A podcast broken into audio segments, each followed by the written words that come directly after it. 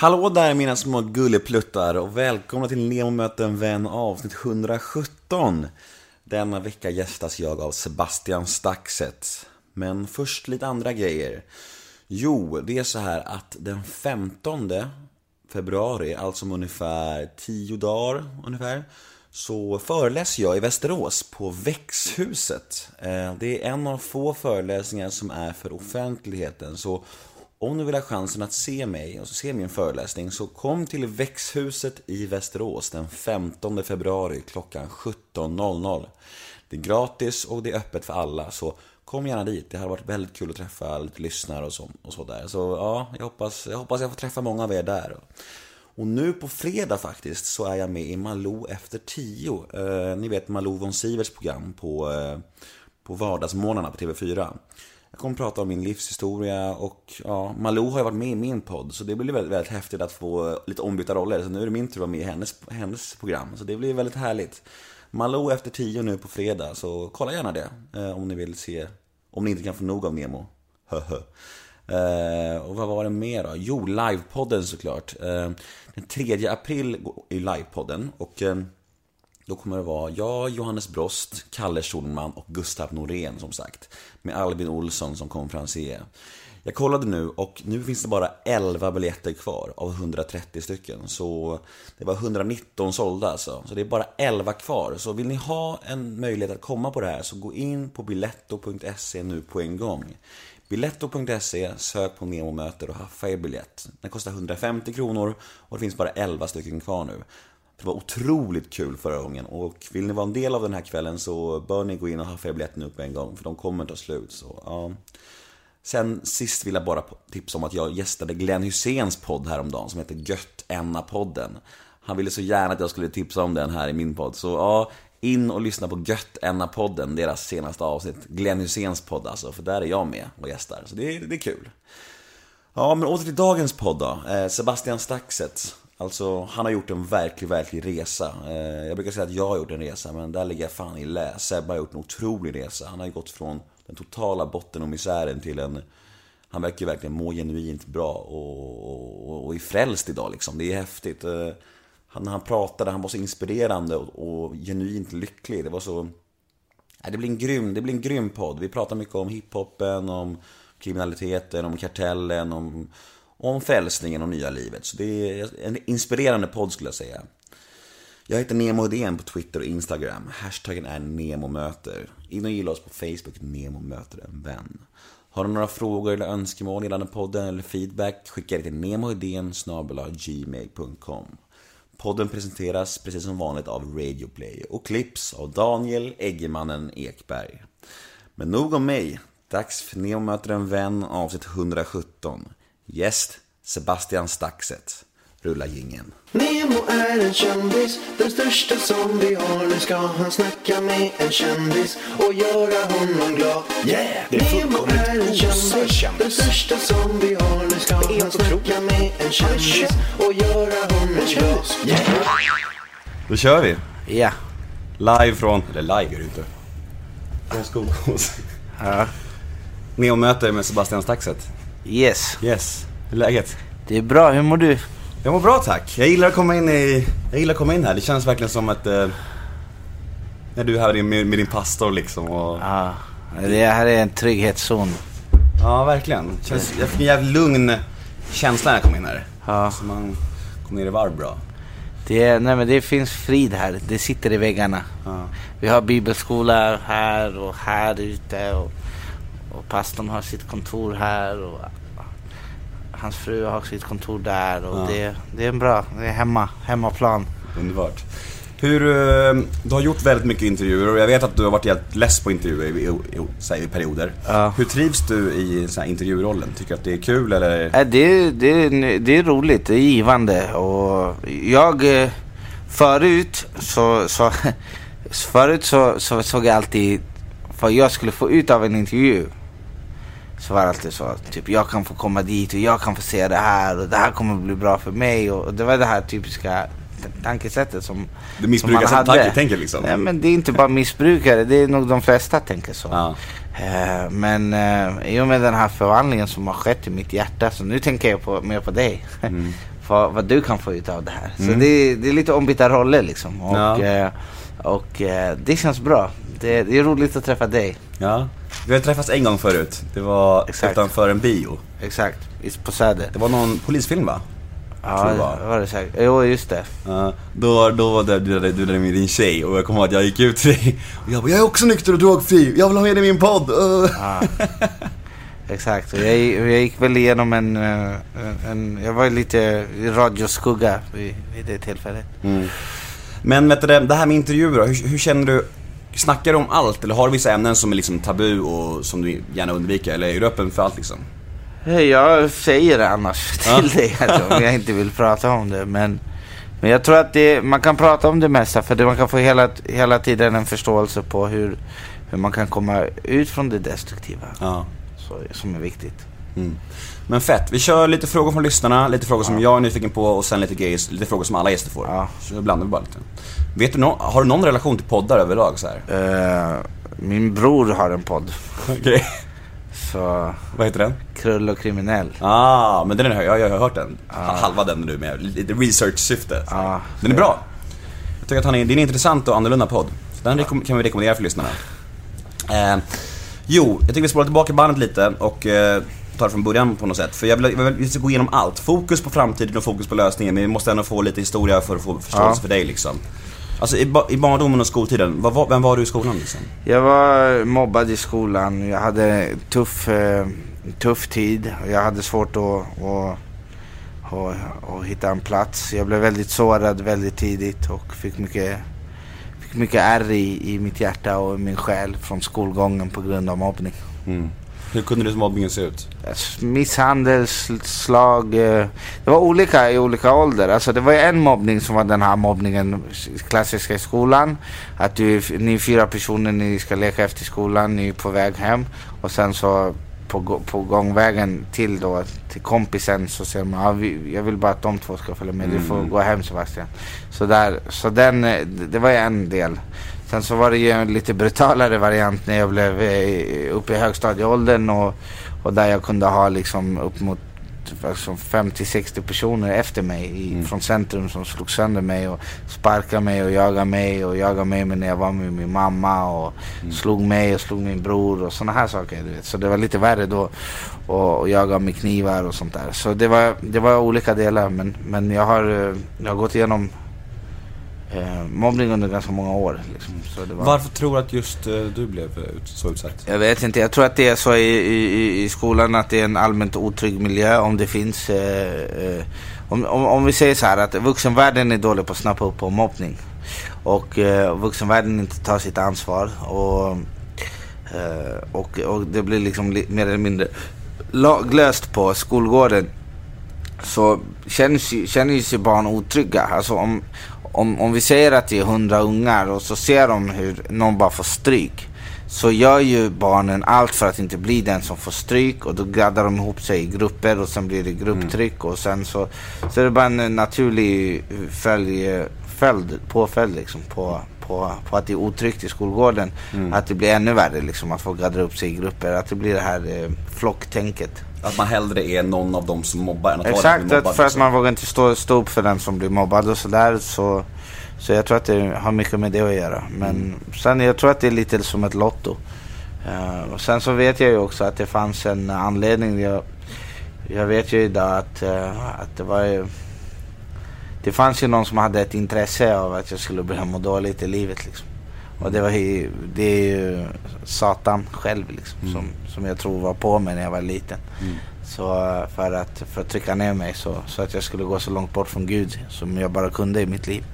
Och det känns som att jag blev fångad eh, tidigt liksom, av mörkret. Och, och i och med att jag fick de här såren som, som liten pojke i, i mitt hjärta så, så, så sabbade ju det grunden för alla mina blivande relationer som vuxen. För att jag hade hela tiden garden uppe och jag trodde hela tiden att jag skulle bli attackerad. Mm. Och, och, och då kunde man aldrig hitta frid liksom i man kunde aldrig ha, ha tillit i nya relationer. Man var hela, även om man var Även om det var mina bästa kompisar det gällde så var jag hela tiden beredd på att, det skulle, att de skulle gå på mig. Mm. Alltså, och det följde upp mig i, i, i vuxen ålder. Liksom.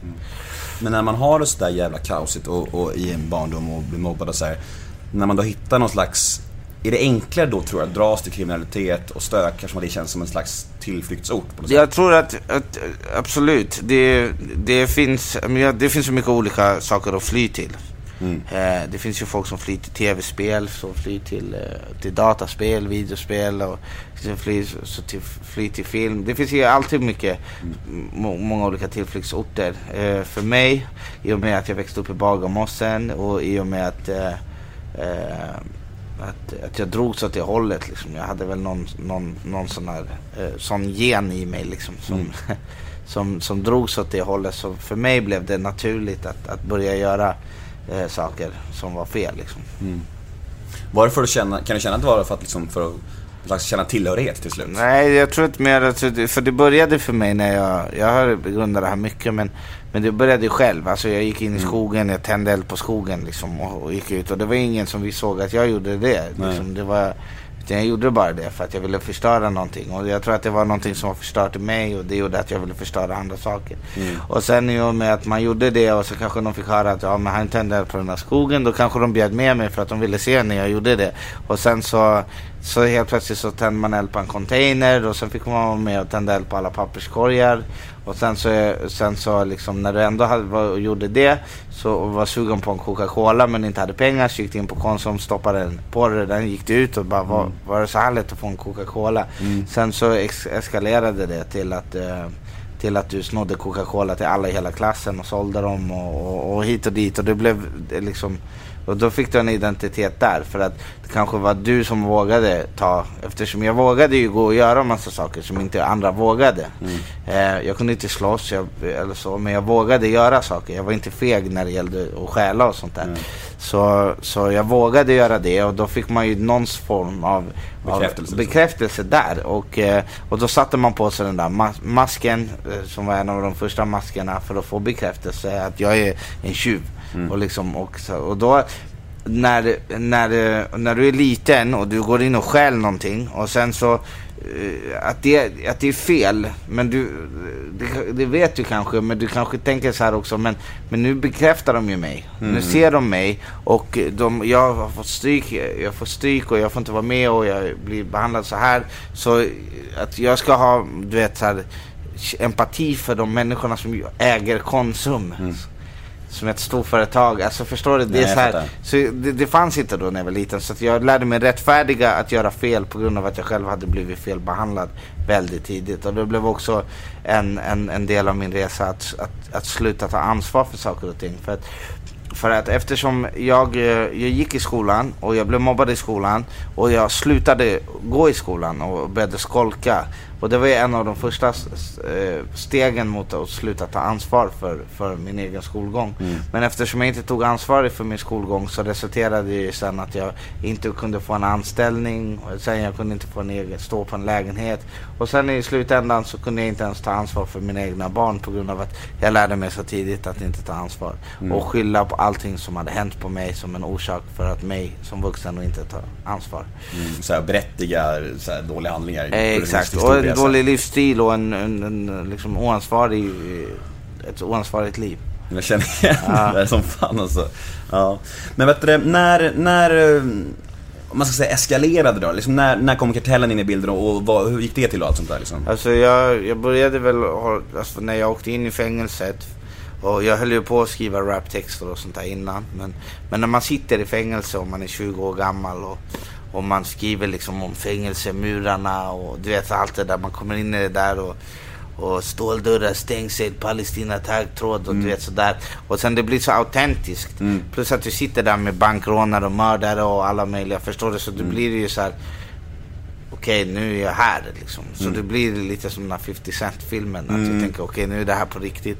Och där föddes ju någonting i mig. Och där var det ju samma sak då också. Då fick man ju eh, medhåll från alla banditer och, och gangsters och sådär. Och bara wow.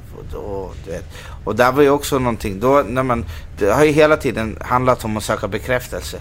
Och, eh, och det här söket på bekräftelse ledde ju mig till fängelset. Och när jag var i fängelset ville jag ju söka bekräftelse för att jag hörde hemma i fängelset. Det är ju jättekonstigt. Ja, det är snurrigt och, och sen så var men du vet, och ju mer jag hörde hemma i fängelset desto bättre kände jag mig som människa. Alltså tänkte vad sjukt. Och sen, och sen eh, så, så, så kom den här möjligheten då att få få gå med och, och göra musik och, och, och sådär. Och, och då jag tog den för att jag, jag var liksom en brinnande fackla av systemhat redan då. Och eh, eh, alltså verkligen så att det passade perfekt då för mig just då och, och, och gå med. Det, det ledde, i, I min världsbild vid det här tillfället så var det här det perfekta framgångssteget jag kunde göra. Liksom. Eh, och det satte mig i en, i en form av maktposition och, eh, och så. Och, eh, och jag fick ju, tog ju, mitt huvud blev ju så här stort liksom. Ja, jag och, eh, det. och jag blev eh, störst, bäst, vackrast och, och, och, eh, och missbrukade ju Eh, missbrukade ju droger, missbrukade allt som kom i min väg och, och jag var ju helt förstörd. Tänkte en, en, en pojke som var fortfarande kvar emotionellt på skolgården med fortfarande det där såret som satte mig och den tillitsbristen och, och emotionellt var jag kvar där när jag blev mobbad. Det var ungefär som att du tog den där lilla pojken och du gav han all pam. Gav han allt det där och, och det är klart att han inte kan hantera det. Och, eh, och, och där eskalerade ju eh, drogerna totalt och, och svalde mig. Och, och, eh, och jag föll och föll och föll och föll djupare ner tills jag eh, nådde botten och höll på där och, och, och, och ville ta den här behandlingen. Men jag tänker på det här med rappen. Jag, är lite nyfiken på hur det var i början när du rappade. Var, var det så här direkt att du kände att fan det här kan jag? Eller var det bara så här öva, nöta, nöta, nöta? Jag nöta? började rappa när jag var kanske 12 år, 11, 12 år gammal. Ja. Så jag fattade ju, och, och då började ju alla rappa i klassen. Ja. Och då fattade jag ju direkt att jag var bäst i klassen. Ja. Förstår du? Och sen kanske alla gjorde i skolan och då fattade jag att jag var bäst i skolan. Och sen så var det kanske en eh, tävling och då sa jag att okay, jag var bäst i den här tävlingen. Och sen så blev det ju så här att att, eh, att jag fattade att det är det här jag har talang på för att det här kan jag bättre än, än de andra. Ja, det här kan jag bättre än de andra. Och jag fick ju många som sa till mig att jag var duktig där på, på det. Jag fick mycket bekräftelse från andra, från Latin Kings och sådana här. Vet, här tidigt att de sa att, de kunde, att jag kunde liksom. Så det växte ju någonting. Det fanns ju i mig det här. Jag bara, det här är någonting jag skulle kunna klara av. Så jag hade ju självförtroende faktiskt i det. Och sen när jag, med det där kriminella egot jag hade när jag var 21, då var det så här att det finns inte ens 50 Cent kan rappa lika bra som jag liksom. Men vilka, vilka, men vilka var, men vilka, Men- var, vilka var förebilderna i rappen? Hade du några förebilder som du såg Ja, upp till? jag, hade, ju- jag gillar ju alla 50 Cent och Tupac och alla såna här som då på den tiden. Någon, ingen, ingen svensk? Eh, nej, nej, det kan jag inte säga. Vet du, ehm, jag såg en dokumentär på SVT. Ja. Eh, Vad tycker du om den förut? Jo, det var, det var, en, det var, en, det var en hyfsat bra skildring av, av hur det har varit liksom. Det kändes jävligt rörigt. Det, Ja. det jag la märke, la, la märke till var att, som du också är inne på, det var inte mycket liksom, njutning, det var inte mycket glädje i liksom, Nej. de åren kändes det som. Det kändes mest rörigt liksom. Nej, det var ju så också. Du vet, eh, saker och ting är så här att, att jag tror att någonstans i, innerst inne så fattar man ju att man inte är på en bra väg. Mm, ja, ja. Förstår du? Så att även om man når kommersiella framgångar och sådär så, så vet man, så är det ändå inte, så ska jag kunna, så kolla på så här, Tupac nådde jättekommersiella framgångar. Vad hände med honom? Han blev skjuten, han var 25 år gammal. Biggie 24 år gammal, han blev eh, dödad. Alltså, eh, kolla på, på alla de här som lyckas och liksom, som, som ändå stannar kvar i den här sortens av eh, livsstilstänk och sånt där. Det går ju inte bra för någon. Nej. Och de som det går bra för, de mår jättedåligt i. Jag känner ju jättemånga eh, människor som, som, som håller på med musik och sådär och gör det på grund av, alltså det är jätte, nästan alla sitter fast med drogberoende, alkoholberoende. Det är fruktansvärt destruktiv miljö att befinna sig i. Och, eh, och tänk dig när du, när du jag hade hela tiden som ett mål. Jag bara, när jag väl lyckas göra det här, då kommer jag må bra. Så lyckades jag då, mådde fortfarande skit. Okej, när jag gör det här ska jag lyckas må bra. Nådde dit, mådde fortfarande skit. Och, och, och så var det hela tiden. Så det var hela tiden någon så här pipe dream. Man jagade och bara, uff, det här, när det här hände. Men vad jag än kom till så var jag fortfarande lika tom. Det var, jag, jag mådde liksom inget bra. Det är så konstigt det där, för att jag, jag har exakt samma känslor och har ju brottats med själv. Och att man tänker sig bara jag får de här brudarna eller det där knarket eller de där pengarna så, eller det där jobbet eller den där bilen så kommer allt bli bra liksom. Och så har man fått det så har det varit samma tomhet ändå liksom. Och nästan, nästan ännu värre.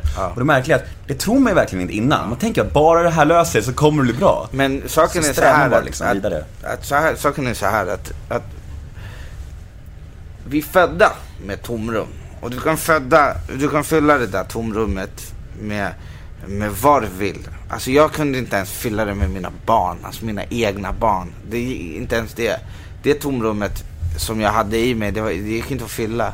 Och den enda gången i mitt liv som, som jag fick uppleva att jag fyllde det där tomrummet, det var Jesus. Alltså han, han fyllde tomrummet och han överflödade mig med, med, med fullt med kärlek och hopp och tro. Så när han kom in i mitt liv så, så fylldes det där tomrummet och, och det står så i, i, i Bibeln också. Och det, det, det är en det var intressant för mig, för någonting som kunde skrivas för 2000 år sedan, vissa saker 6000 år sedan. Men som kunde appliceras till min tillvaro idag. Men, men eh, när jag bytte ut det, mitt gamla sökande efter, efter framgång och sånt där mot, mot Jesus, då landade jag i, i, i ett nytt liv. Men hur, hur komplext och knepigt blev det här för dina kollegor i, i, i kartellen och så här? Alltså när du blev frälst liksom, vad hände? Skar det sig hårt då mellan dig och de andra eller? Nej, alltså det handlar inte om det. Jag, de, alltså man måste förstå en sak. Det var, liksom, det var tid för mig att gå vidare. Och de gjorde ju vad de kunde för att stötta mig i den här processen. Men det är svårt när man säger att, eh, liksom, att man säger Gud som de inte kan se. Förstår du? Eller, de kan inte, det, det är inget man kan se. Jag kan inte säga så här. Nemo sa till mig, då kan de ringa till dig. Har du sagt det här? Liksom, förstår du? Men jag bara, jag upplever att det är så här och så här. Och det började verkligen ska, skära sig. Så att jag kunde inte, eh, mi- mina, eh, mina nya moraliska likt, riktlinjer om man ska kalla det så. Eh, de... Stämmer inte överens med det gamla men liksom. nej, jag, jag kunde inte stå för det längre, helt enkelt, på ren svenska. Och, eh, och, och sen, då blev det ju lite komplicerat på grund av att jag var i olika, eh, jag var i en lanseringsperiod och allting sånt. Så.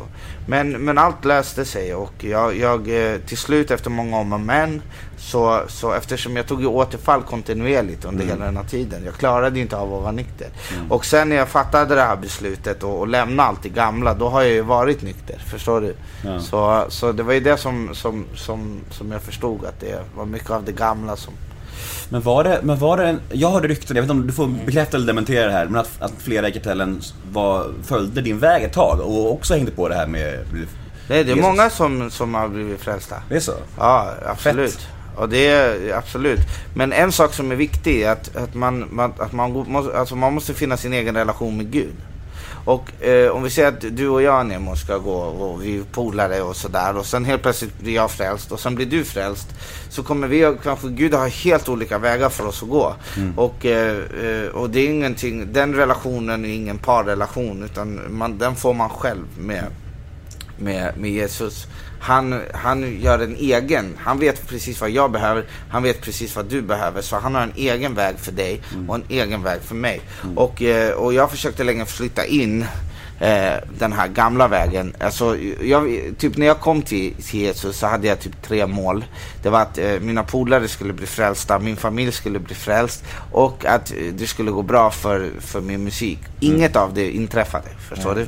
Och sen när jag släppte det, för att, för att det finns ett, ett, ett, ett, tillfälle i Bibeln när, när, när eh, Abraham, som är eh, typ trons gudfader i, i Bibeln, han får en, en, eh, en son när han är jättegammal. Du känner säkert till den här. eh, Han och Sara får löftet om ett barn.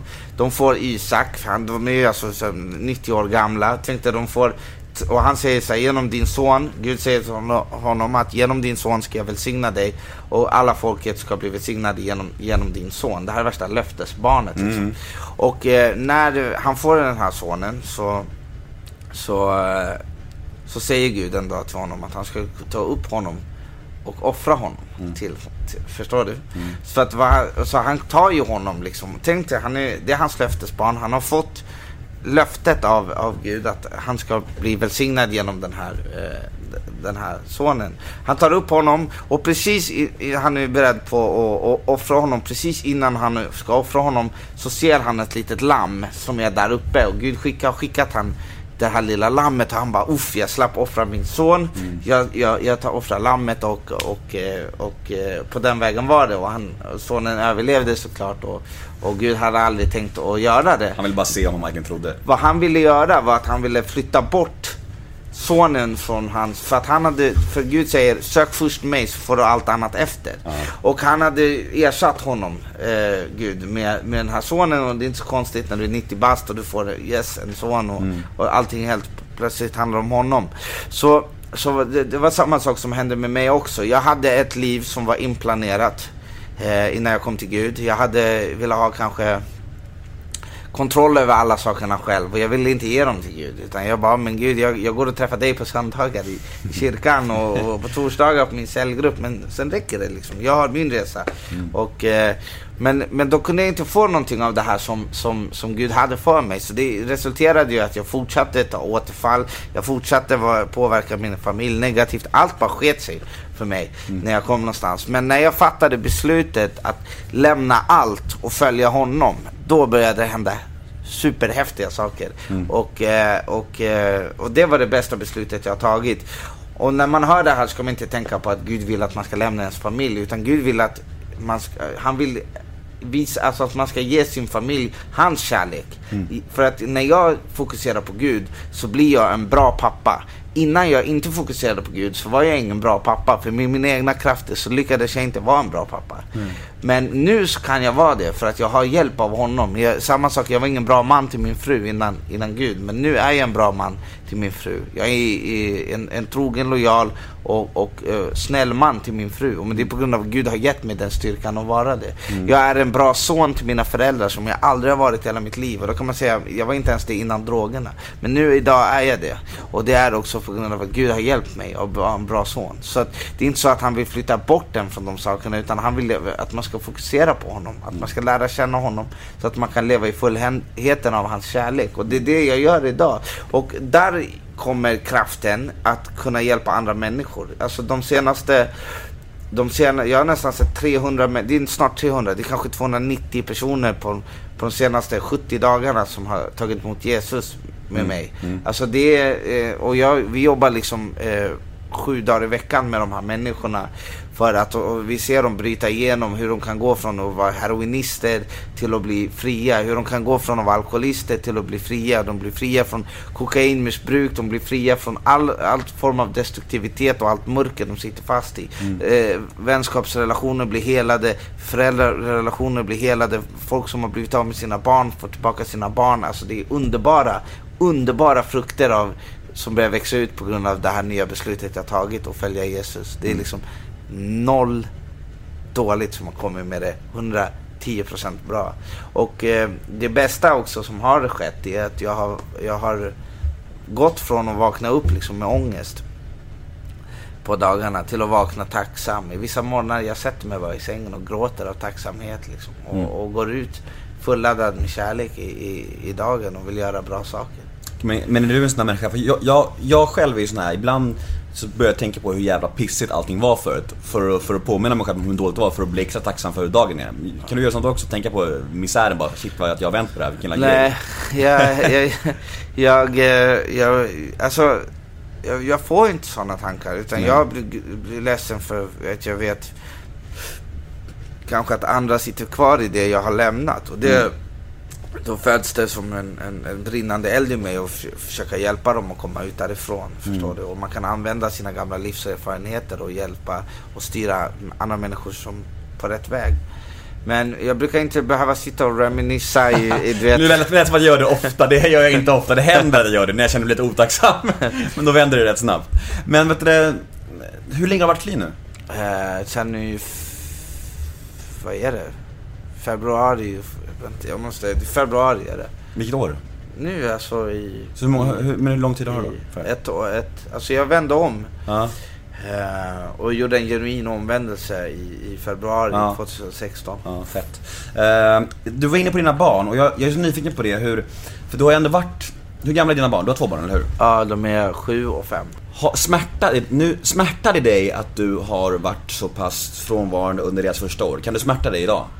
Alltså, det är klart. Annars vore man inte människa. Jag, jag, jag satt ju i fängelse liksom när Nena föddes och det var ju jättejobbigt. Så, eh, så, men det som jag, jag, jag, jag är glad över är att jag har blivit den pappan jag är idag. Och den pappan gör, gör mig så hoppfull som jag är idag. Så att jag tänker deras minne, de kommer inte komma ihåg det som har varit. Eh, utan utan vi, vi bygger upp ett nytt liv. Mm. Och eh, i det här nya livet så finns det bara frid, kärlek och, och hopp för dem. Och de är jätteglada. De har förändrats också som barn. Alltså, de har gått från att vara lite oroliga och otrygga till att bli blomstrande, glada. Mm. Liksom, och så. Och ha fullt med frid och litar. Och pappa säger att pappa ska komma så kommer pappa Mm. och sådär. Så det, det känns... eh, Det känns, eh, det känns som att jag har fått en ny chans och jag tar den. Jo, men det här med ditt förflutna då. Kan, kan du känna dig ibland att det jagar dig? Alltså har du kvar så här ovänner och får du så här hot sånt fortfarande? Eller är det helt borta nu? Alltså det är klart att, att det kommer sånt. Att man blir förföljd för det gamla livet ibland. Men jag, jag är... eh, jag, jag tror ju på Gud.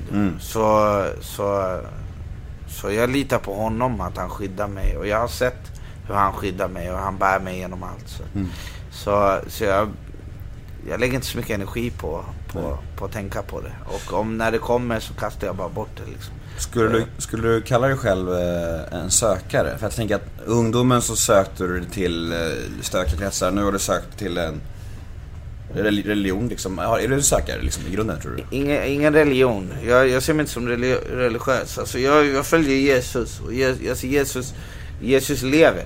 Så, så, och jag behöver inte göra någonting för Jesus. För religion är mycket att vi måste göra någonting för att, för att behaga Gud. Men, men Jesus, och följa Jesus, det betyder att han har gjort någonting för, redan för oss. Som redan Head over to Hulu this March, where our new shows and movies will keep you streaming all month long. Catch the award winning movie Poor Things, starring Emma Stone, Mark Ruffalo, and Willem Dafoe. Check out the new documentary, Freaknik The Wildest Party Never Told, about the iconic Atlanta Street Party. And don't miss FX's Shogun, a reimagining of the epic tale, starring Anna Sawai. So, what are you waiting for? Go stream something new on Hulu. If you thought the only way to get a more defined jawline with natural looking results was through surgery, think again. Juvederm Volux XC is a non surgical injectable gel filler that improves moderate to severe loss of jawline definition and can help you achieve natural looking results with little downtime. Even better, this improved definition lasts up to one year with optimal treatment. No maintenance required. Improve jawline definition for a smooth, sculpted look with Juvederm Volux XC. For important safety information and to find a licensed specialist, visit juvederm.com. That's J U V E D E R M.com. Not for people with severe allergic reactions, allergies to lidocaine, or the proteins used in Juvederm. Common side effects include injection site redness, swelling, pain, tenderness, firmness, lumps, bumps, bruising, discoloration, or itching. There's a risk of unintentional injection into a blood vessel, which can cause vision abnormalities, blindness, stroke, temporary scabs, or scarring. Talk to a licensed specialist to find out if it's right for you. klart. Och jag behöver bara tro. Så, så det är ingen, eh, jag måste inte gå till kyrkan. Jag måste inte göra någonting. Jag gör de här sakerna för att jag vill. Det är mer, och jag har en levande relation med, med Jesus. Så, att, så att jag klassar inte in det under religion. Men, men det är klart att jag har sökt. Jag, jag, jag kommer ju för att jag har haft någonting i hjärtat som jag har varit fel. Och jag har sökt hela tiden att göra rätt. Alltså jag sökte när jag var kriminell sökte jag ju vägen ut också. Jag sökte ju mig till, till eh, det första jag började söka mig till det var för att jag var så deprimerad. Så jag började käka antidepressiva. Jag gick och liksom till staten och frågade staten vad, vad gör man om man mår så här? Och de bara käka antidepressiva. Det var ju det sämsta. Det ger en narkoman droger liksom. Det var ju katastrof. Så jag tog ju kokain och antidepressiva. Och sen det andra som, så när jag höll på att dö då så sökte jag ju så kom jag in på behandlingshem, då började jag den här tolvstegsresan. Och jag gjorde alla stegen och jag gjorde det där men jag kände som att jag satt fast i i, eh, i tolv steg. Det var liksom alltså, det, det var inte den här friheten heller som att jag, jag sökte. Men tolv steg hjälpte mig jättemycket. Jag var jättetacksam för det för att, för att jag blev liksom clean. Jag fick min första drogfria period och, och jag kunde, jag kunde verkligen eh, komma loss liksom och, och, och få, få vända lite. Jag började ju, min vändning kom i flera delar. Men, men, och, men, eh, och sen så kom jag in på, på sen när tolvstegen inte bar så, så, så sökte jag mig till psykiatrin. Och då fick jag liksom hamna på psyket. Jag, jag, jag, jag, jag fick igen då mediciner mm. och fick gå den psykiatriska vägen. Och den, sen så tipsade de om KBT, så började jag på KBT. Jävla flängande alltså. Ja, men jag är överallt för mm. att fixa liksom de här sakerna.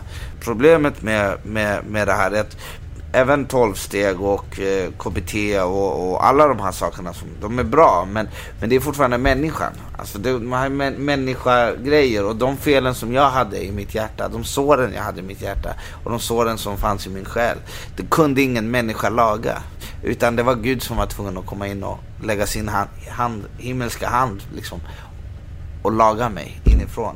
Och, eh, och eh, den hjälpen jag fick då när jag tog emot Jesus, att jag fick heliga anden, att jag kunde börja vandra i, i, ett, i ett liv där jag fick hjälp inifrån och ut. Där jag inte behövde söka lösningarna, utan lösningarna fanns liksom inne i mig. Det var som att jag tog emot en, en eh, det är det som händer när du, när du tar emot Jesus. Du får heliga anden. Och heliga anden är liksom som en, som en eh, hjälp inifrån. Det var heliga anden som lärde mig att sluta ljuga. Till exempel. För jag hade inga problem att ljuga när jag var i, i, i, och gjorde någon av de andra sakerna. Någon av de andra självhjälpsprogrammen. Mm. Så jag kunde fortfarande ljuga liksom. Och jag, jag bara jag kommer ihåg det här, jag, bara, hade må, den här brickan till exempel. Mm. Och så jag tog ett återfall. Jag skulle, precis när jag skulle ta ett år så tog jag ett återfall. Jag bara, men det är ett återfall på ett år. Men jag ska fortfarande ha brickan, du vet. Ja. Så, förstår du? Du vet, sådana här saker. Och det fanns liksom, det är ingen som vet om det här på mötet. Så jag gick bara och plockade Nu vet de. men, men hänger du med? Det, ja, det fattar, fanns liksom en, en, en, en, kvar, en oärlighet i mig. Och det fanns kvar liksom ett, Eh, mycket egoism och mycket själviskhet och, och du vet, jag kunde inte se världen större än, än min lilla värld liksom. Mm. Och, och det fanns mycket självömkan kvar och det var, det var mycket sådana saker och då, det blev jag inte fri från. Men när heliga ande flyttade in i mig, då började jag bli, utveckla en, ett nytt jag, en ny person liksom började mm. ta plats. Det, och, och där gjorde jag rätt oavsett vem som såg det. Mm. Eh, det spelade ingen roll vem om no för att jag kunde vara snäll förut, och så, men då ville jag gärna att folk skulle se det så att jag kunde få liksom en bekräftelse. Mm. Eftersom jag hade gjort en god gärning. Mm. Men sen började jag, anden så började jag göra saker utan att någon någonsin fick reda på det. Som mm. var rätt och som var goda och bra. Mm. Så jag bara, vad är det här? Och sen så när jag ljög så började jag få jätte... Jag började minnas lögnen typ två veckor. Så här, du ljög där. Och så jag bara, men jag ljuger jämt. Vad, mm. vad är problemet liksom? Men, nej men du, du kan inte göra det för att du har fått en ny natur. Mm. Så, så började jag, wow. Och sen började jag liksom, så kunde jag inte stjäla. Och det, alltså alla sådana då, mm. dåliga defekter började, började ta ut. När, ju mer Gud fick ta plats i mitt liv, ju mindre jag tog plats i mitt liv. Mm. Så alltså, som när man ska bli pappa och sådär, så det hjälper ju så mycket. Också när, när saker och ting går dåligt. För det är ju, det är ju ganska, när allting rullar på, man får ju den här, men sen kan det ju komma en sån här riktig smäll liksom från, från höger liksom, mm. att, att du åker på någonting. Och då är, är det lätt att man ruckas liksom och faller tillbaka i gamla mönster. Men det här, Heliga Anden har hjälpt mig liksom framåt hela tiden utan att, att, gå tillbaka. Jag har liksom blivit förändrad inifrån utåt. Mm. Tror du att det är så här för alla eller är det individuellt det här? För jag känner att jag är ju 12-stegsmänniska ja. och jag känner att jag har gjort en total omvändning och mår väldigt bra. Men, men känner du, kan du lita på att jag säger det då? Eller känner du bara så här, ah, han vet ingenting eller? Nej, det är väl klart att du mår bra. Jag ju också gjorde det. Jag hade ju min process eh, i, eh, i tolvstegsprogrammet och jag satt ju precis som du. Och jag gjorde ju, det är ganska likt. Om, eh, jag kom ju ut därifrån. Eh, jag gjorde en teaterpjäs på Stadsteatern medan vi faller och det var så här, kolla jag har gjort det här nu. Jag, jag, jag skaffade mig ett jobb på, på Fryshuset med Eh, som ungdomsledare för Lugna Gatans kulturella verksamhet. Jag, eh, eh, jag släppte Ånger och kamp. Eh, och eh, mina områden fick A-rotation, B-rotation. Liksom. Mm. Det började gå så väldigt och jag bara uff, det här är, är bra. Men de, det som var problemet att det bar ju, för att det, det var liksom framgången och sådär som, eh, som, som, som, som, jag fick min tröst i. Men den är inte håll, hållbar under ett längre lopp. Du ska tänka så här också, om, om någon tar ifrån dig din podcast och du bara Va? Min podcast? Ja, jag skulle nog säga så förmodligen. Ja, men, men om någon tar ifrån dig din podcast och du bara helt plötsligt sitter utan någonting liksom Ja. så här, och förstår? Och, och, och, och, och, och tjejen drar och, och du vet, förstår Mm. du? Under de där lägena så bara! Mm. Förstår du? Det är lätt att, att le åt livet när livet ler åt en. Men när, när livet inte ler åt en, då, då, då, då fungerade inte det för mig. Då kom det tillbaka de här. Och eftersom jag inte var helad från barndomen så var jag emotionellt kvar där. Mm. Förstår du? Så att det var, nu allting går bra, jag får vara med och leka. Men så fort jag inte får vara med och leka, pam! Mm. De gamla känslorna tillbaka och då är jag beredd att ta återfall och, och, Mm. och sådär. Så, så, så det är klart att det är, alla människor har sin väg. Men, men den människan som öppnar upp sitt hjärta för, för Jesus och, och bjuder in honom kommer se att han finns. Mm. Och när man vet att han finns, då finns det, då, då kan, alltså om man förstår höjden, djupen och bredden av hans kärlek och vad han har gjort för en och hur mycket han vill hjälpa en och vilket liv han har förberett för en. Alltså då finns det ingen annat alternativ än att ta emot han. Nej. Men, men, men det är någonting man, varje människa måste få uppleva själv. Det, Men- låter, det låter magiskt. Det Eh, Jag kanske kommer dit en dag också. Ja. Vem vet? Ja, det, är, alltså, det är svårt att tvivla när man, när man hör det. Ja. Det. Nej men det finns ingenting att tvivla på. Det är, eh, det är någonting som, som, det bästa med det är att vi, jag har ju sagt att vi har ju haft nästan 300 människor nu på, på 70 dagar som har tagit emot Jesus. Och alla de har ju suttit som du och sagt så här. Ja men det kanske jag en dag, kanske. Men jag tror ju inte på det här. Vet du vad som hände i, i, härom, häromdagen? Vi, vi kom ut från min port, jag och frugan. Och vi hade sagt så här. Jag bara Jesus, om vi vill hjälpa någon idag. Så om vi kan göra det så, så vill vi göra det. Så vi kommer ut från vår port. Och där sitter det en kvinna. Och hon, hon, hon har varit hemlös. Eller hon är hemlös. Men hon har tagit emot Jesus och Jesus för för åtta månader sedan.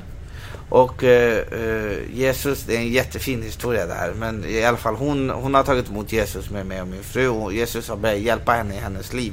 Och hon från att ha varit hemlös i fem år och sådär. Hon har helt plötsligt fått, träffa sin dotter. Och det börjar gå bättre och bättre för henne. Och eh, Jesus gör fina saker i hennes liv. Och då kommer vår andra granne som, är, som har mycket bitterhet i sig. Liksom, och, och inte har mått så bra. Eh, och eh, hon kommer och hon haltar liksom. Och sen eh, med, sin, med sin hund och, eh, och jag säger att, jag bara kom. Och hon säger, men, hon bara, jag bara, hur, hur mår du? Ja, men, det är för jävligt det här jävla livet. Du vet sådär. Som, som, som jag var förut likadan du vet.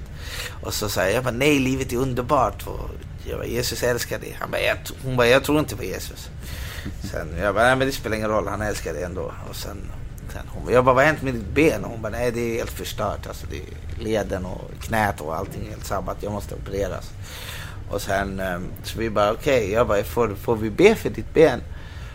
Och sen så säger hon så här, hon bara, "Ja, men vad ska det vara bra? Jag bara, men vad har du förlorat liksom? Kom igen, låt oss be för ditt ben. Verkligen. Så, så hon bara, ja ja. Och sen, eh, så min fru sätter sig på knä, hon lägger händerna på hennes ben och säger i Jesu namn, all den här leden blir återställda till det normala i Jesu namn. Allt ont där går bort i Jesu namn. Och sen hon släpper henne och så hon bara, men vad fan? Och sen hon rätar ut benet, hon bara, allt det onda är borta. Hon bara, men det här går ju inte. Jag bara, varför inte? Hon bara, för jag tror ju inte på honom. Jag bara, det spelar ingen roll om du inte tror på honom. Han tror på dig och han älskar dig. Och, och hon blir hela där, papp, så enkelt. Så, så det som är häftigt med, med Herren är att, att de människorna som, som vi har presenterat Jesus för, förstår och de som har tagit emot honom. De har alla sagt, ja men jag, jag, jag alltså alla är ju värsta tvivlarna. Hur ska du tro på någon som, som alltså hur, det, det kunde lika gärna varit Fantomen. Men skillnaden mellan Fantomen och Jesus är att Jesus finns och Jesus kommer att eh, komma och besöka dig själv och säga jag finns. Så du kommer få en bekräftelse av att han finns som gör att wow. För alla de människorna som har tagit emot honom, de har kommit tillbaka med sina egna, inom bara två, tre veckor, med sina egna upplevelser. Och, och som är jättestarka. Alltså vi har ett möte som, som du borde komma och besöka oss på så ska du få se med egna ögon. Det är jättehäftigt. Men jag trodde man måste tro själv för att kunna få ta emot. Nej, du, du, eh, du behöver du behöver, tro, du behöver bestämma dig, det är ett beslut. Så om du, om, du, eh, om du säger till exempel, "Ja, men Jesus, jag, jag har försökt leva hela mitt liv själv och jag, har, jag känner inte dig, jag vet ingenting om dig. Men jag, eh, de säger att du finns och jag vill veta om du finns och jag tror på Eh, jag, jag, vill, jag vill ge dig en chans nu. Visa Mm. att du finns och då man tar emot honom. Och, och då fattar du ett beslut att, att du ska tro då eftersom du tar Mm, beslutet fattar. att ta emot. Och då kommer han att visa dig att han finns. Men hon Det- tjejen med fotleden, hon, hon hade bara hjälpt flit. Ja, men hennes dag kommer. För Ja. nu är ju första, hon har ju fått första, hon har ju gått och, och liksom snackat säkert dåligt om, om, om, om Jesus hela Mm. sitt liv.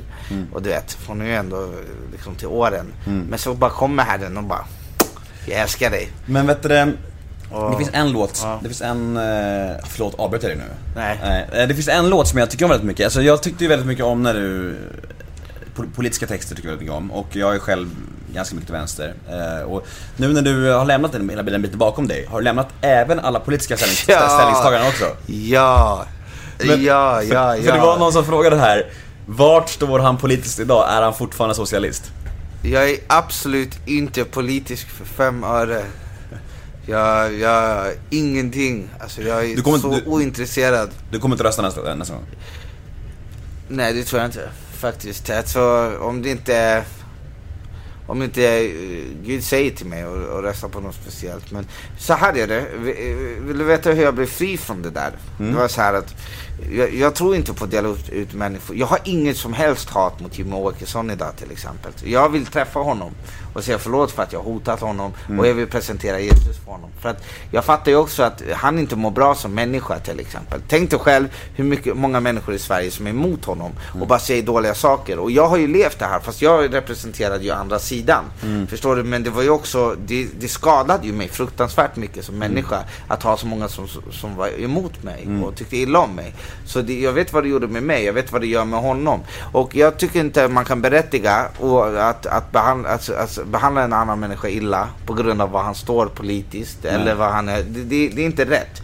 Och, eh, och hur ska det är ungefär så här, Jesus, jag vill ju efterlikna Jesus i, i mitt sätt att se på människor. Och det betyder att jag vill älska alla människor oavsett vad de har gjort. Jag- Och alla människor som vad de än har gjort, för att man kan inte kategorisera synd. Man kan säga, men det är okej eh, för att han är moderat, eller han behöver lida. Jesus, du kan inte gå till honom, han är moderat. Liksom. Så de förtjänar inte dig. Så det, går inte, det går inte att tänka så, förstår du? Så, Ja. så eftersom det här människosättet implicerades i min hjärna och eh, i mitt hjärta och, eh, och, och i min själ, liksom, att jag började se på människor som människor och inte på grund av de tillhörigheterna. Som, för det är någonting som har gjort en människa att han röstar vänster eller någonting som han röstar höger. Jag ärvde till exempel den där synen. Och det gör många tror jag. Ja, och, eh, och, eh, och, då, och då är det så här att om, hur ska jag kunna komma med det här budskapet, ett, en chockvåg av kärlek till Sverige, säga till alla människor Jesus älskar dig men jag gillar inte vad du röstar på. Nej, men det går det inte. funkar inte. Det, det går inte. Så, så Gud tog bort mig från, helt och hållet från, från politiken och jag älskar alla oavsett vad de röstar på. Och, Mm. eh, och, eh, och jag trodde aldrig att det skulle ske men jag har ju, men jag men Gud har förändrat mitt hjärta helt. Så att jag, har, Äls- älskar du Jimmy Åkesson idag? alltså jag älskar honom som, som jag älskar alla människor. Ja. Jag, jag förstår, jag har jättemycket kärlek till honom bara Ja. på grund av att jag skulle verkligen vilja att han skulle få lära känna Jesus. Mm. För att jag, jag vet hur ont det gör och, och, och, och vad är hans situation. Han blev ju utbränd, Mm. förstår du.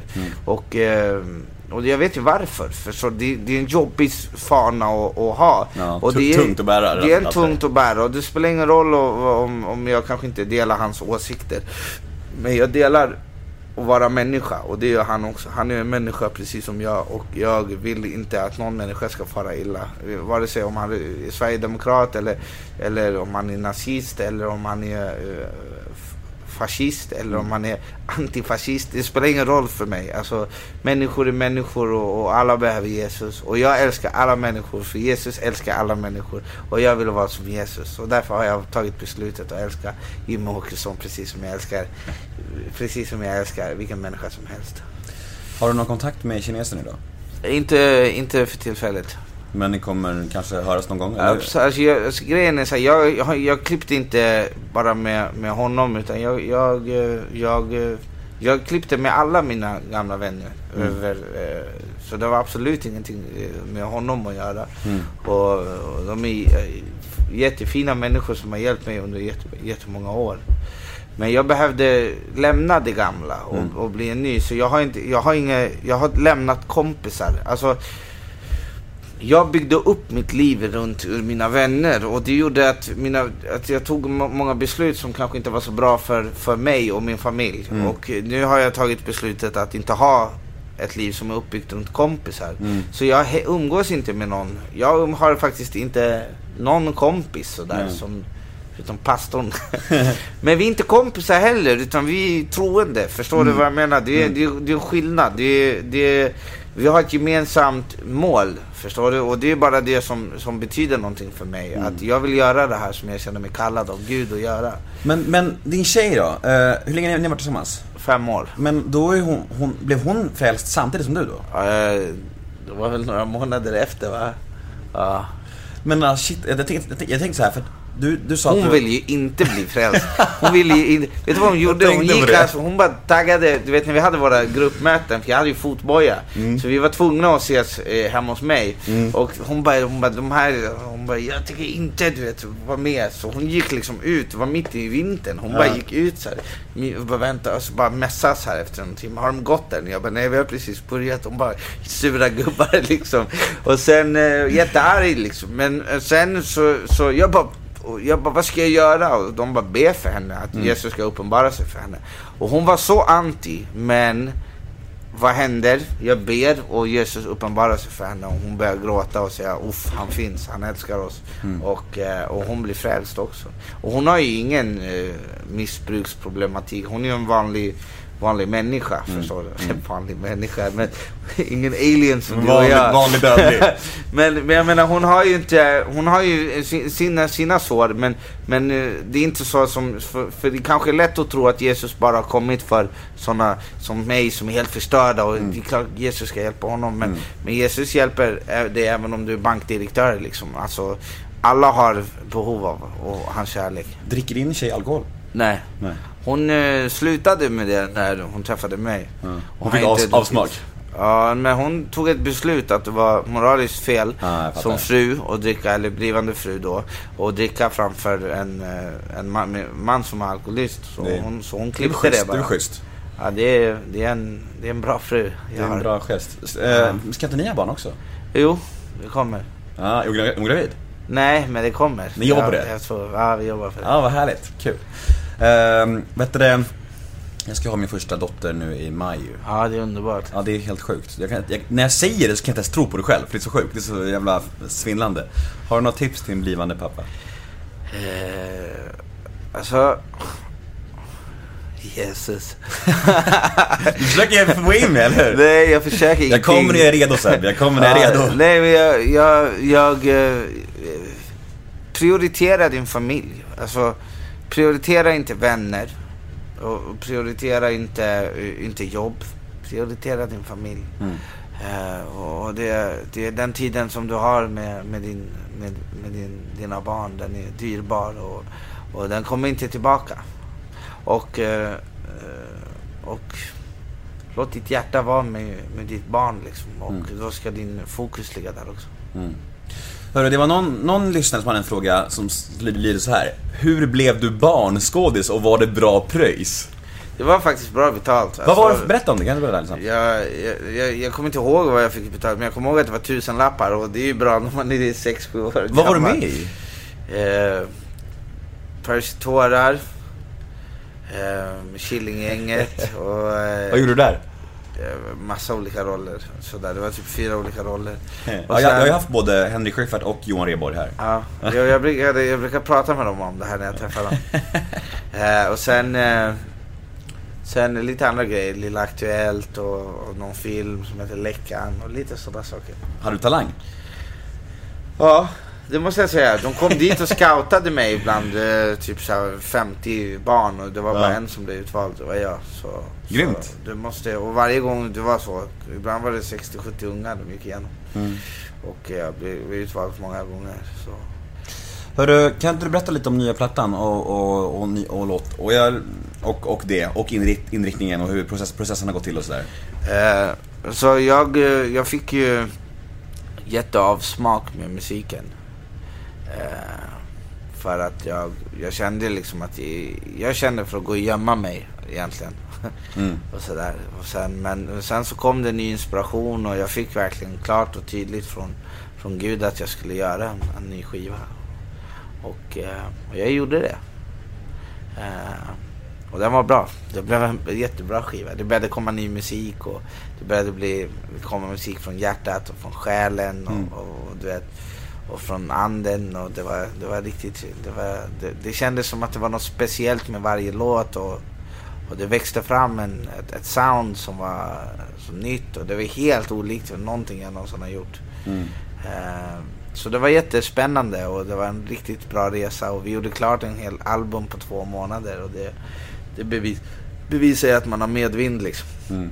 Elva spår utan svordomar. Ja, Lite annorlunda mot förr. ja verkligen. Men det behövdes inga svordomar. Det var inget så att jag, jag svär ju inte längre. Nej. Bara när jag så återberättar mina, vad min granne har sagt liksom. Ja.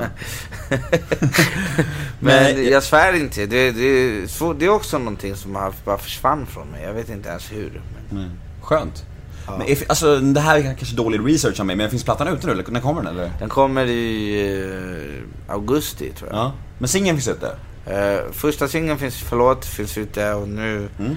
när det här är släppt så finns andra singeln Jag vill ge dig allt också Mm. ute. Jag tyckte om videon till Förlåt. Ja. Den var verkligen en frihetsvideo. Ja, Så jag såg på den i morse och tänkte, fan han, den här snubben ser fri ut. eller Freedom! Ja, verkligen, Då verkligen. ska du se den här nya videon. Den blir också, den, vi spelade in den i Israel så den var Fett. Är det samma stuk som första låten? Ja, lite. Ja, men det är den här resande fot. Mm. Upptäcka världen på nytt. Fett. Men det, här med ditt förflutna och de människor du har skadat eftersom att temat är förlåt. Och det, Ja. Jag läste om det och att du vill gärna be om ursäkt till alla gamla liksom. Har du gottgjort många i det, gamla och träffat dem så här? Eller är det, är det av intresse för dig alls eller? Alltså, min gottgörelse är, är jag inne på. Och jag lever den varje dag. Och varje gång jag träffar någon från mitt förflutna som jag har skadat så ber jag om förlåtelse. Det, eh, sen är det upp till var och en om de vill, om de vill förlåta mig. Men, eh, men jag låter livet eh, gå på och, eh, och de kommer de. Och när det föds någonting i mitt hjärta och säger förlåt, då brukar Gud skicka de människorna. Det var helt sjukt. En gång jag tänkte på en snubbe som jag hade varit gjort jättedum mot när jag var, när jag var yngre och var riktigt så här elak mot honom. Och jag hade inte sett honom på 13 år tror jag. 11 år hade jag inte sett honom på. Och så bara sa jag så här till Gud, jag bara, Gud jag ska jag träffa den här killen och säga förlåt till honom. Och så bara dagen efter sätter jag mig på tunnelbanan och jag tänkte jag har inte sett honom på 11 år. Och han bara sätter sig framför mig. Mm. Och jag bara va? Och är jag med barnen och det blir så här. Och sen det var som att Gud bara varsågod. Mm. Och sen jag bara men det här var inte som jag hade tänkt det. Du vet, sådär. Jag hade ju tänkt det, du vet, såhär. Mm.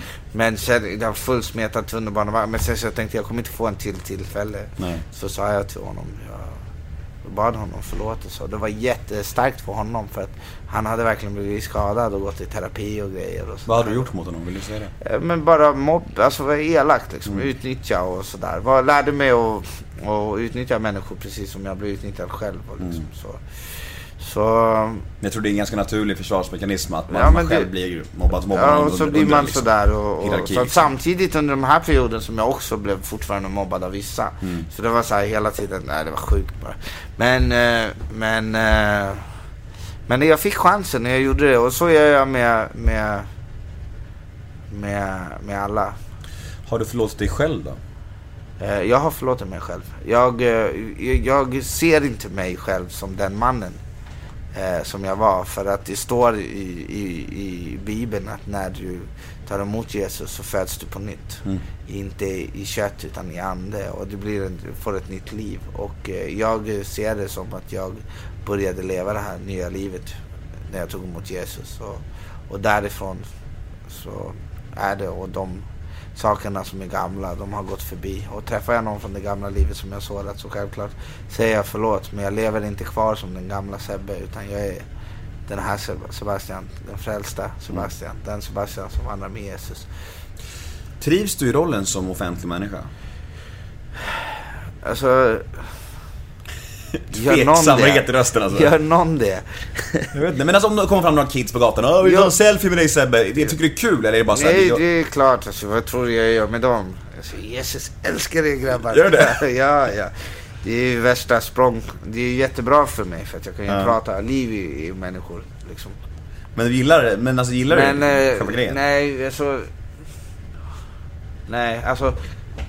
Inte på grund av, inte på grund av, inte när de, när de, eh, när de vill, vill ha det man har på grund av att man själv är någon kändis. Mm. Förstår du? Det, man vet själv baksidorna med det där livet och det, man tycker att det är inte det här som spelar någon roll. Att man Nej. känner till det, hur många följare du har på Instagram. Det, det enda som spelar någon roll är att du ska veta att du är älskad och värdefull och leva livet under de två förutsättningarna. Att du är älskad och värdefull.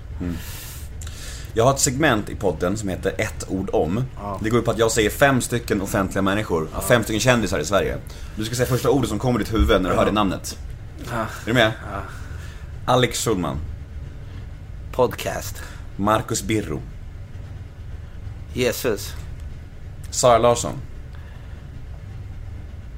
Behöver Jesus. Jimmy Åkesson, Förlåt. Leif GW Persson. Underbar. Det här är en fråga som en lyssnare också har. Hej Sebbe, att leva som kriminell och samtidigt ha barn, vad var värst med det och hur påverkar det ens barn och relationen till dem? Det påverkar relationen att du inte ser dig som pappa. Du kan ju inte se dig som den, eh, som, som deras pappa. Eftersom du inte, du vet ju att, att du inte kan ta ansvar för dem. Förstår du? Så du flyttar bort dig själv. Du är pappa men du är inte pappa. Du tar inte ansvar som pappa. Nej. Så du, du kliver inte in i papparollen och det, det håller dig emellan, skild från, från dina barn. Liksom. Jag brukar ofta prata med mina gäster om så här självförtroende, självkänsla och hur man är känslig så här. Jag kan tänka mig att du har varit ganska svajig med sånt tidigare. Är det också en grej som blir helt totalt förändrat när man blir frälst? Ja, alltså. Jag har ju... Vad jag har i mig är ju jättestarkt och kraftigt och mäktigt och, och gott och, och kärleksfullt. Så jag har ju ingen tro till mig själv utan jag tror ju på, på Jesus. Och Jesus bor i mig. Så Men om du skulle läsa en recension idag, säger på din nya platta och den är dålig, skulle du bli ledsen då? nej. Nej. Det rinner av det bara. Alltså jag, eh, jag lever inte efter världen, vad världen ska säga till mig. Nej. Däremot så har jag ju fortfarande kamper med, med det såklart. Att det där är någonting som man växer i. Till exempel i början så var det jätteviktigt. Åh, vad ska alla säga om det här? Och du vet, förstår du? Det var en kamp. Jag slets mellan det gamla. Men så, så såg jag att det här är eh, beteendemönster från, från mitt gamla jag. Och jag vill inte ha det. Jag bara, så jag bad Herren att ta bort det från mig. Liksom. Jag bara ta bort det här självsökandet och det där. Jag, jag, det, det gör inte mig gott, så ta bort det från mig. Så. Så du bryr dig egentligen knappt om skivan blir framgångsrik eller inte? Alltså jag bryr mig om att de som behöver höra den här kärleken som finns i skivan och kan bli stärkta av den, får höra den. Det, Mm. spelar, det är det som spelar en roll. Och jag vet inte vad Gud har för plan. Mm. Om det är 10 eller 10 miljoner som ska lyssna, det vet inte jag. Men, men jag ber bara att den ska nå till de som behöver den. Så. Vill du turne- turnera med skivan? Absolut, men inte på nattklubbar. Nej. Vill du mer i kyrkan kanske? Eh, Alltså jag vill spela på festivaler, i stadsfester och överallt. konserter, du vet. inte så att det. jag bara vill vara i kyrkan. Jag vill ju ut till människor. Jag vill ju hämta människor till kyrkan. Om man säger så. Men, eh, eller till Jesus. Mm. Men ni är klar, du, du är klar med nattklubben i alla fall? Men, men det är svårt att, och, eh, om, om Gud skulle säga till mig att åka till nattklubbar. Så, men jag tror, det är väldigt svårt att tänka mig att han ska göra det. Mm. För att det är svårt, det är lättare att predika på söndag Mm. morgon än att predika på lördag kväll. Ja, ja. Men alltså annars då, drömmar och framtiden, hur ser det ut nu? Är det bara liksom, det är plattan som kommer, har du något mer som du känner att du vill göra i livet? Jag vet inte om, du vill, ni jobbar på barn, vill du vara skådespelare mer någon gång eller har du några drömmar så här? Eh, Jag vill, eh, jag vill, eh, jag vill evangelisera alltså, med i, i världen. Det skulle vara häftigt. Åka Mm. till Vad, Afrika. vad betyder det, evangelisera? Och, alltså sprida Jesus i, Mm. i, i, andra länder och Mm. sådär. Det skulle vara häftigt. Och så. Fan vad fett. Alltså vi börjar bli klara. Ja, Jag är jättetacksam att jag fick komma hit och Ja. snacka med dig. Är, jag, du, är du nöjd? jag är jättenöjd. Ja, jag är också jättenöjd. Finns du på sociala medier? Eller har, Ja, mm? Twitter, Instagram kanske? jag har eh, eh, Instagram, Sebastian Staxet 85 Mm. och, eh, och eh, Sebastian Staxet på Facebook. Mm. In och skriv något fint till Sebbe. Ja. Eh, Jag heter Nemo Hedén på Twitter och Instagram. Hashtaggen är NEMOMÖTER. In och gilla oss på Facebook, Nemo möter en vän. Eh, Jag säger stort tack till Sebastian Staxet. Tack själv. Hej då! Hej.